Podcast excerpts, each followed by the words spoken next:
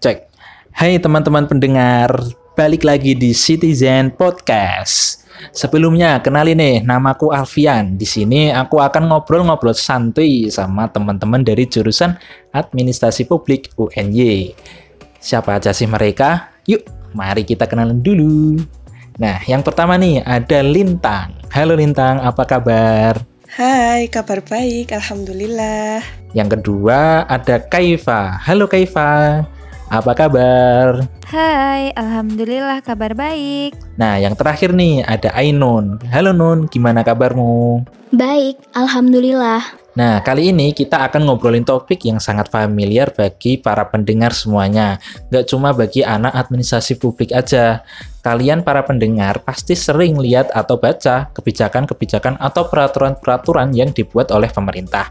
Nah, kebijakan atau peraturan-peraturan yang dibuat oleh pemerintah ini pastinya melalui proses yang panjang, mulai dari perumusan masalah hingga peraturan atau kebijakan tersebut diputuskan. Nah, pada proses pengambilan keputusan inilah yang akan kita bahas. Sebenarnya, dalam tahapan pembuatan kebijakan tersebut, di tiap tahapnya itu ada proses pengambilan keputusan. Misalnya, dalam tahap penentuan masalah. Nah, untuk menentukan masalah yang dipilih tentunya harus ada sebuah keputusan. Nah, kalau di mata kuliah administrasi publik ada yang namanya mata kuliah pengambilan keputusan sektor publik. Nah, kenapa sih kita mau ngebahas ini? Menurut kita ini penting khususnya bagi kalian yang mungkin suatu saat jadi seorang birokrat apalagi yang bukan berlatar belakang administrasi publik. Ya, supaya kalian tahu bagaimana pengambilan keputusan sektor publik yang baik. Karena pengambilan keputusan sektor publik itu berbeda dengan sektor privat. Nah, sebelum kita masuk yang lebih dalam dalam membahasnya, kita juga harus tahu dasar-dasar teori dari pengambilan keputusan sektor publik, mulai dari konseptualisasinya, strateginya, tekniknya, hingga output dan outcome dari pengambilan keputusan sektor publik. Nah, yang pertama nih aku pengen tanya ke Kaifa dulu nih. Apa sih pengambilan keputusan sektor publik itu? Oke, oke, baik. Kita awali dulu dari pengenalan pengambilan keputusan dulu ya. Pengambilan keputusan ini adalah hal yang sangat penting bagi setiap orang, terutama bagi seorang pemimpin dalam memimpin sebuah organisasi maupun instansi. Organisasi akan berjalan dengan sesuai jika seorang pemimpin memiliki kemampuan dalam pengambilan keputusan yang baik. Pengambilan keputusan ini dilakukan dengan memilih suatu jalur tindakan di antara beberapa pilihan alternatif melalui suatu proses berpikir yang logis. Keputusan yang dihasilkan ini nantinya akan digunakan untuk mengatasi permasalahan yang terjadi dalam suatu organisasi tersebut Kebijakan yang baik dalam menentukannya ini harus sesuai dengan strategi dan akan berpengaruh dalam proses pengambilan keputusan untuk memunculkan pemikiran tentang cara-cara penyelesaian permasalahan yang lebih efektif. Sebagai seorang pemimpin, juga harus mampu nih menimbang sisi positif dan sisi negatif dari setiap pilihan dan alternatif yang ada. Keputusan yang efektif ini adalah pilihan keputusan yang diambil dengan prediksi hasil terbaik dari setiap pilihan yang ada. Nah, keputusan sektor publik ini punya beberapa tujuan nih dalam pelaksananya. Tujuannya yang pertama untuk mengidentifikasi alternatif-alternatif keputusan yang nantinya akan digunakan untuk memecahkan masalah yang ada.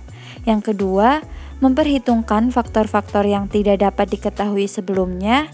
Yang ketiga, menentukan sisi positif dan sisi negatif dari setiap pilihan dan alternatif yang ada. Yang keempat, menghasilkan keputusan yang efektif dan yang kelima, pengambilan sektor publik juga bisa digunakan sebagai sarana untuk evaluasi dan mengukur hasil dari suatu pengambilan keputusan. Hmm, berarti pengambilan keputusan ini suatu yang sangat krusial ya. Artinya sesuatu yang krusial juga harus dilakukan dengan cara yang baik dan sangat tepat. Nah, pasti ada dong teori tentang teknik-teknik dalam pengambilan keputusan biar keputusan yang dihasilkan itu maksimal dan memuaskan publik.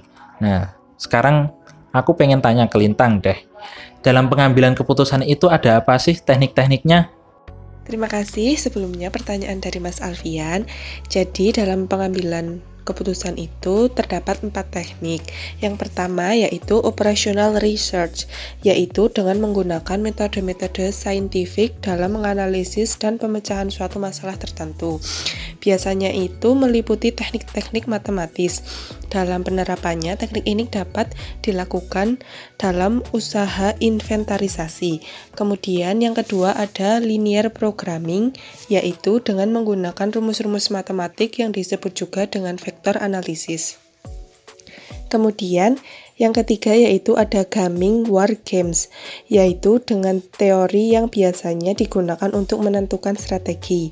Keempat, probability yaitu dengan teori kemungkinan yang dapat diterapkan pada kalkulasi rasional hal-hal yang tidak normal mengenai sebuah keputusan yang dipertimbangkan dan diperhitungkan. Oh, banyak juga ya teknik-teknik dalam pengambilan keputusan. Jadi, kita sebagai pengambil keputusan tinggal menyesuaikan dengan kondisi dan situasi yang kita hadapi jika kita menjadi seorang pengambil keputusan. Nah, untuk mengetahui situasi yang dihadapi dalam pengambilan keputusan, seorang yang akan mengambil keputusan itu pastinya memiliki strategi untuk membaca situasi yang terjadi. Nah, bagaimana sih strategi yang digunakan dalam pengambilan keputusan itu? Nah, untuk strategi pengambilan keputusan dapat diterapkan langsung dalam proses pengambilan keputusan itu sendiri atau biasa disebut dengan manajemen strategi pengambilan keputusan. E, pada awalnya kita melakukan penyelidikan situasi atau menyelidiki situasi merupakan strategi dalam tahapan awal pengambilan keputusan. Hal ini meliputi identifikasi masalah, identifikasi tujuan, dan mendiagnosis penyebab. Pertama yaitu identifikasi masalah. Dapat dilakukan dengan beberapa cara seperti public hearing dan pendekatan MyMed masalah. Semakin kita mendengarkan banyak temuan masalah, maka kita juga akan semakin sensitif terhadap masalah yang hendak kita pecahkan. Kemudian mendiagnosis penyebab e, masalah yang ditemukan ini akan dianalisis apa sih faktor yang menyebabkan masalah ini timbul. Setelah menyelidiki kasus, dibuatlah beberapa alternatif kebijakan yang dibuat sekreatif mungkin untuk memecahkan masalah. Alternatif yang telah dibuat tersebut kemudian dinilai dan dipilih mana yang terbaik. Setiap alternatif nantinya akan dianalisis bagaimana prospek keberhasilannya serta dampak dan resiko yang akan terjadi. Kemudian, strategi yang selanjutnya yaitu mengembangkan dan menindaklanjuti yang meliputi merencanakan implementasi, yaitu merencanakan bagaimana program dijalankan nantinya. Kemudian terdapat mengimplementasikan rencana, yaitu merencanakan rencana implementasi di lapangan. Kemudian, yang selanjutnya yaitu memonitor implementasi. Jadi, saat implementasi dilakukan, perlu adanya pengawasan atau monitoring apakah sudah sesuai dengan rencana awal yang tadi dibuat atau belum, serta mengidentifikasi temuan kendala atau masalah saat implementasi itu, dan membuat penyesuaian yang diperlukan. Hal ini dapat dilakukan saat rencana dan pelaksanaan dirasa kurang sesuai, maka dapat dilakukan penyesuaian agar implementasi dapat dijalankan dengan lebih baik. Oh, jadi begitu. Misal kita jadi seorang yang akan mengambil keputusan, kita harus bisa memakai strategi yang tepat karena setiap masalah memiliki situasi yang berbeda. Nah, kalau bicara tentang pengambilan keputusan, khususnya dalam pemerintahan, pasti tidak jauh dong dari yang namanya kebijakan atau peraturan. Nah, Nun, menurutmu gimana sih proses atau siklus dalam pembuatan sebuah kebijakan di pemerintahan itu? Nah, adapun tahapan siklus kebijakan publik e, dalam proses pengambilan keputusan. Yang pertama, tahap pertama, merumuskan masalah yang dihadapi. Dalam merumuskan masalah dapat dilakukan dengan melakukan public hearing, menjaring aspirasi melalui dialog publik, dan melakukan pendekatan mind map, melakukan analisis masalah tersebut dengan mengumpulkan data dan melibatkan aktor yang dapat merumuskan masalah tersebut. Tahap kedua, menganalisa problem. Kemudian, setelah merumuskan masalah yang dihadapi, Selanjutnya menganalisa masalah. Isu-isu strategis dapat memunculkan alternatif kunci dari masalah. Nah, ada nih langkah-langkah dalam menganalisis masalah. Yang pertama, menentukan tujuan yaitu menentukan target lebih dahulu tanpa mencampur adukan apa yang ingin dicapai dan apa yang ingin dilakukan. Yang kedua, mengumpulkan fakta yaitu dengan mempelajari catatan-catatan yang relevan, peraturan dan kebiasaan yang berlaku, brainstorming dan FGD. Yang ketiga, mempertimbangkan fakta dan tentukan tindak lanjut yang harus diambil dengan menghubungkan fakta yang satu dengan yang lain. Yang keempat, mengambil tindakan dengan mempertimbangkan siapa pengambil keputusan, siapa diberi informasi dan menentukan waktu melaksanakan tindakan. Yang kelima, monitoring dan evaluasi hasil pelaksanaannya untuk mengetahui apakah tujuan tercapai dan pelajari perubahan sikap dan hubungan antar satu pihak dengan pihak lainnya. Tahap yang ketiga, menetapkan sejumlah alternatif. Setelah memunculkan masalah-masalah yang sudah dirumuskan tadi, kemudian alternatif yang diberikan harus berdasarkan data dan fakta. Tahap yang keempat, mengevaluasi alternatif. Dalam proses mengevaluasi alternatif dilakukan dengan menganalisis risiko, dampak, dan evaluasi hasil pelaksanaannya untuk mengetahui apakah tujuan tercapai dan pelajari perubahan sikap dan hubungan antar satu pihak dengan pihak lainnya. Tahap yang terakhir, memilih alternatif keputusan. Dalam proses memilih alternatif keputusan, memutuskan pilihan alternatif yang terbaik dan dipilih. Memilih satu dari sekian banyak alternatif dalam pengambilan keputusan yang ada. Pemilihan ini berdasar atas kriteria yang telah ditetapkan, mengidentifikasi masalah utama, menyusun alternatif, menganalisis alternatif, dan mengambil keputusan yang terbaik. Hmm, berarti di tiap tahapan pembuatan kebijakan itu ada peran penting dari pengambilan keputusan ya. Hmm, kalau kita telah mengambil keputusan, itu artinya kan juga ada hasil dari keputusan tersebut beru bisa berupa output dan outcome. Nah, apa sih output dan outcome dari pengambilan keputusan sektor publik itu non Nah, untuk output dan outcome PKSP, uh, eh, untuk output adalah hasil langsung dari suatu proses. Pengukuran output adalah pengukuran keluaran yang dihasilkan dari proses. Ukuran output menunjukkan hasil implementasi program atau aktivitas. Nah, sebagai contoh seperti pemerintah telah memutuskan untuk melakukan kebijakan PSBB dengan menjalankan protokol kesehatan. Dari pengambilan keputusan tersebut didapat suatu keluaran berupa surat edaran pemerintah untuk masyarakat masyarakat. Sedangkan outcome adalah dampak suatu program atau kegiatan terhadap masyarakat. Outcome lebih tinggi nilainya daripada output karena output hanya mengukur hasil tanpa mengukur dampaknya terhadap masyarakat. Sedangkan outcome mengukur kualitas output dan dampak yang dihasilkan. Dengan kata lain, outcome adalah hasil yang dicapai dari suatu program atau kegiatan dibandingkan dengan hasil yang diharapkan. Contohnya nih, Misalnya pemerintah mengeluarkan sejumlah dana untuk kegiatan pencegahan penyakit malaria. Outputnya adalah bisa orang yang diberi vaksinasi atau wilayah tertentu yang dijadikan sasaran pencegahan penyebaran malaria. Outcome-nya adalah wilayah tertentu terhindar dari wabah penyakit malaria atau penyakit malaria dapat dicegah penyebarannya dari wilayah tertentu. Pengukuran outcome dilakukan untuk mengukur nilai dari suatu kegiatan atau program. Oh, jadi begitu output dan outcome-nya. Nah, ini kan kita bicara tentang pengambilan keputusan sektor publik. Ada juga dong pengambilan keputusan sektor private. Apa aja sih bedanya pengambilan keputusan sektor publik dengan pengambilan keputusan sektor private menurut kalian? Untuk perbedaan pengambilan keputusan sektor privat dan pengambilan keputusan sektor publik itu terdapat empat temuan yang bisa membedakan. Yang pertama yaitu pihak yang dipertanggungjawabkan.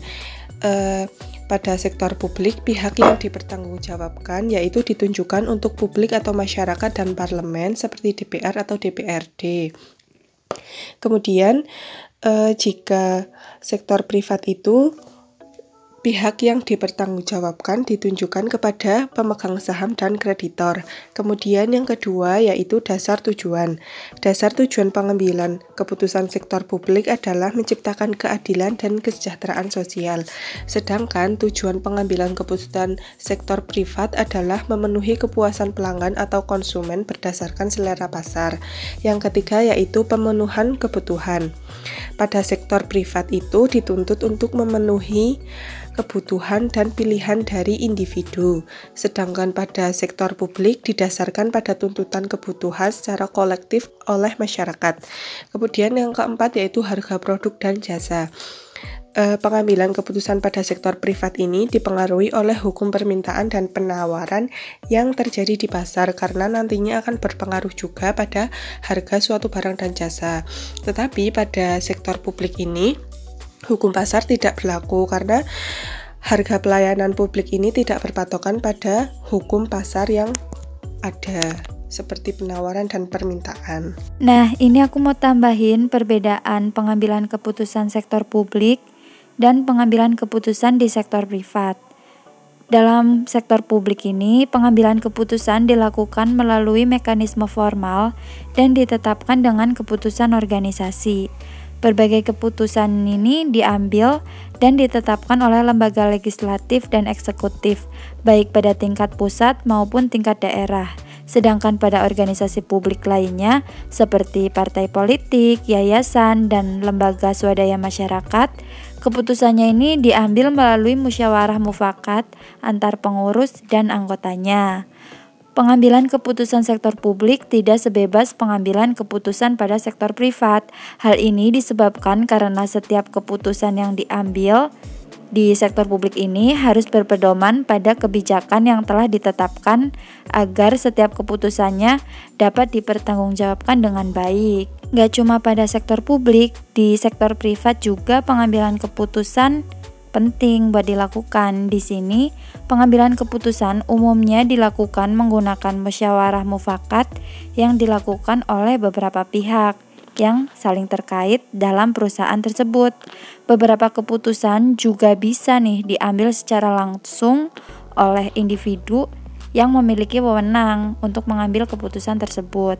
Nah, biasanya ini dilakukan oleh pemilik usaha tersebut. Hmm, jadi kalau dari pendapat Kaifa sama Lintang tadi dapat kita tarik kesimpulan ya bahwa pengambilan keputusan sektor publik itu memiliki karakteristik yang berbeda dengan sektor private. Contohnya, orientasinya untuk ke, contohnya orientasinya untuk kepuasan publik berupa kesejahteraan, keadilan, bukan money oriented. Nah, selain itu dalam pengambilan keputusan sektor publik tidak pengaruh adanya pasar, tapi didasarkan pada kebutuhan secara kolektif dari publik atau masyarakat itu sendiri. Nah, dalam pengambilan keputusan sektor publik itu kan ada tipe-tipe keputusan yang diterapkan. Nah, apa aja sih menurut kalian tipe-tipe dalam pengambilan keputusan itu?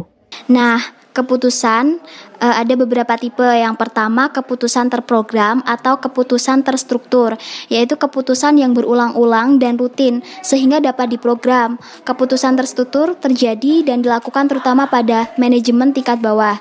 Contohnya, manajemen produksi dari PT XYZ selalu melakukan kegiatan rutin di setiap awal bulan, yaitu dengan melakukan pembelian bahan baku untuk persediaan. Terus yang kedua, tipe keputusan setengah terprogram atau setengah terstruktur, yaitu keputusan yang sebagian dapat diprogram, sebagian berulang-ulang dan rutin, dan sebagian tidak terstruktur. Keputusan ini seringnya bersifat rumit dan membutuhkan perhitungan-perhitungan serta analisis yang terperinci. Contohnya, Pak Darwin adalah seorang manajer keuangan pada PT Arta. Pekerjaannya pada Divisi keuangan mengharuskan Pak Darwin harus cermat dalam menginvestasikan serta mengolah keuangan pada PT Arta. Pada saat itu diharuskan penggantian mesin di pabrik dan harus menghitung dengan cermat sebelum melakukan investasi pada mesin yang akan dibeli agar investasi yang dilakukan tidak merugikan perusahaan. Maka Pak Darwin harus melakukan keputusan untuk menginvestasikan keuangan perusahaan secara cermat. Uh, izin menambahkan untuk jawaban dari Mbak Ainun, jadi yang ketiga itu terdapat keputusan tidak terprogram atau tidak terstruktur, yaitu keputusan yang tidak terjadi berulang-ulang dan tidak selalu terjadi. Keputusan ini terjadi di manajemen tingkat atas. Informasi untuk pengambilan keputusan itu tidak terstruktur dan tidak mudah untuk didapatkan, serta tidak mudah tersedia sehingga berasal dari lingkungan luar perusahaan atau organisasi. E, contohnya saja yaitu e, gampangannya gini ya. E, semisal Pak Andre adalah seorang presiden dari PT Angkasa. Ia selalu e, harus bisa mengambil keputusan yang cepat demi keberlangsungan perusahaannya. Keberhasilan keputusan yang ia ambil dapat didasarkan pada informasi pasar yang bisa ia dapatkan E, contoh lain yang bisa digambarkan yaitu e, seperti harga saham yang selalu berubah uh, dia maksudnya seorang presiden seperti Pak Andre itu harus bisa menyesuaikan keuangan perusahaan agar harga saham perusahaan pada bursa efek bisa selalu stabil. Seperti itu. Oh iya, ini aku mau nambahin sedikit dari hasil temuan aku.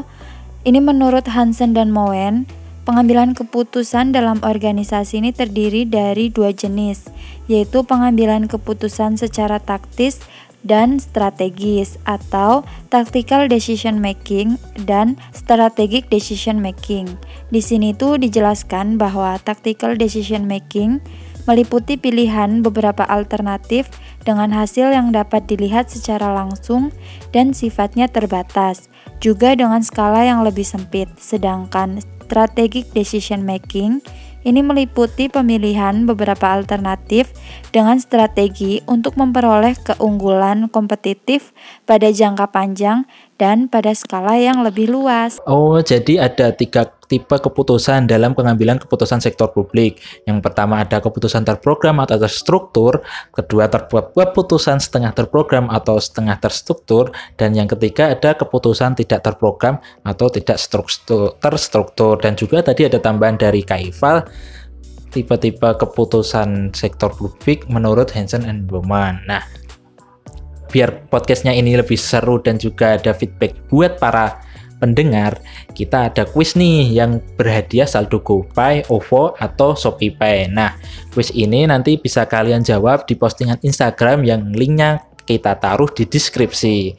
Nah, pertanyaannya, bagaimana pandangan kalian terkait keputusan yang dilakukan oleh pemerintah saat ini untuk mengatasi pandemi COVID-19 di Indonesia? Nah, kalian bisa taruh tuh komentar atau opini kalian di kolom komentar Instagram. Nah, nanti opini yang bagus, yang terbaik dan yang beruntung akan mendapatkan saldo GoPay atau OVO atau ShopeePay. Tinggal pilih kalian mau yang mana saldonya. Nah, akhirnya kita udah sampai di penghujung obrolan podcast ini. Banyak sekali ya ilmu-ilmu yang kita dapat mulai dari pengertian pengambilan keputusan sektor publik hingga penerapannya dalam melakukan keputusan khususnya dalam sektor publik. Bagi kalian yang cita-citanya menjadi, menjadi seorang birokrat, penting banget nih buat kalian mempelajari pengambilan keputusan sektor publik supaya nanti dapat melayani masyarakat dengan baik dan memuaskan. Nah, sebelum kita tutup, aku pengen tahu sih rekomendasi atau saran dari kalian untuk pemerintah Indonesia ke depan dalam konteks pengambilan keputusan sektor publik. Kalau dari saya, mungkin melihat uh, kejadian di Indonesia ini di akhir-akhir ini kan banyak nih muncul pro dan kontra yang timbul dalam masyarakat. Nah, ini tuh membuktikan atau ya dapat menggambarkan lah bagaimana kurangnya keterlibatan masyarakat dalam proses pengambilan keputusan atau kebijakan sehingga masyarakat itu banyak yang memprotes dari kebijakan pemerintah itu sendiri. Sedangkan jika pengambilan keputusan itu tuh merupakan cerminan atau harapan dari publik atau masyarakat. Maka dari itu, untuk menghindari banyaknya konflik yang timbul akibat dari keputusan yang diambil itu, serta mendapat respon negatif dari masyarakat atau dapat dikatakan tidak relevan dengan kondisi masyarakat yang sebenarnya, diharapkan pemerintah dalam proses pengambilan keputusan dapat memperhatikan kondisi lapangan masyarakat. Kalau saran atau rekomendasi dari aku dalam pengambilan keputusan, pemerintah ini dapat lebih menekankan pada pengambilan keputusan secara manajerial dengan menggunakan decision model yang tadi sudah dijelaskan untuk mendapatkan hasil yang lebih konsisten, sistematis, dan dapat dipertanggungjawabkan. Dengan menggunakan model pengambilan keputusan tersebut dapat digunakan untuk mempertimbangkan dari berbagai aspek yang disesuaikan dengan situasi dan kondisi yang dihadapi dan juga dapat dipertanggungjawabkan dengan cara sebaik mungkin. Menurutku, pengambilan keputusan dalam sebuah organisasi publik merupakan hal yang penting bagi kemauan organisasi tersebut. Dalam mengambil sebuah keputusan diperlukan ketepatan dalam menganalisis masalah, menetapkan tujuan, mengidentifikasi alternatif yang ada dan mengevaluasinya seperti tahapan-tahapan dalam proses pengambilan keputusan seperti merumuskan masalah yang dihadapi, menganalisis problem, menetapkan sejumlah alternatif, mengevaluasi alternatif, memilih alternatif keputusan. Sehingga pengambilan keputusan harus mengambil pemilihan alternatif terbaik dari beberapa alternatif secara sistematis untuk ditindaklanjuti sebagai suatu cara pemecahan masalah. Nah, sebelum aku tutup nih podcast ini, ada quote nih buat kalian yang mungkin nanti jadi seorang birokrat. Quote-nya adalah, jangan mengambil keputusan saat kamu dalam pengaruh orang lain. Nah, cukup itu saja. Terima kasih, sampai jumpa di Citizen Podcast selanjutnya. Bye!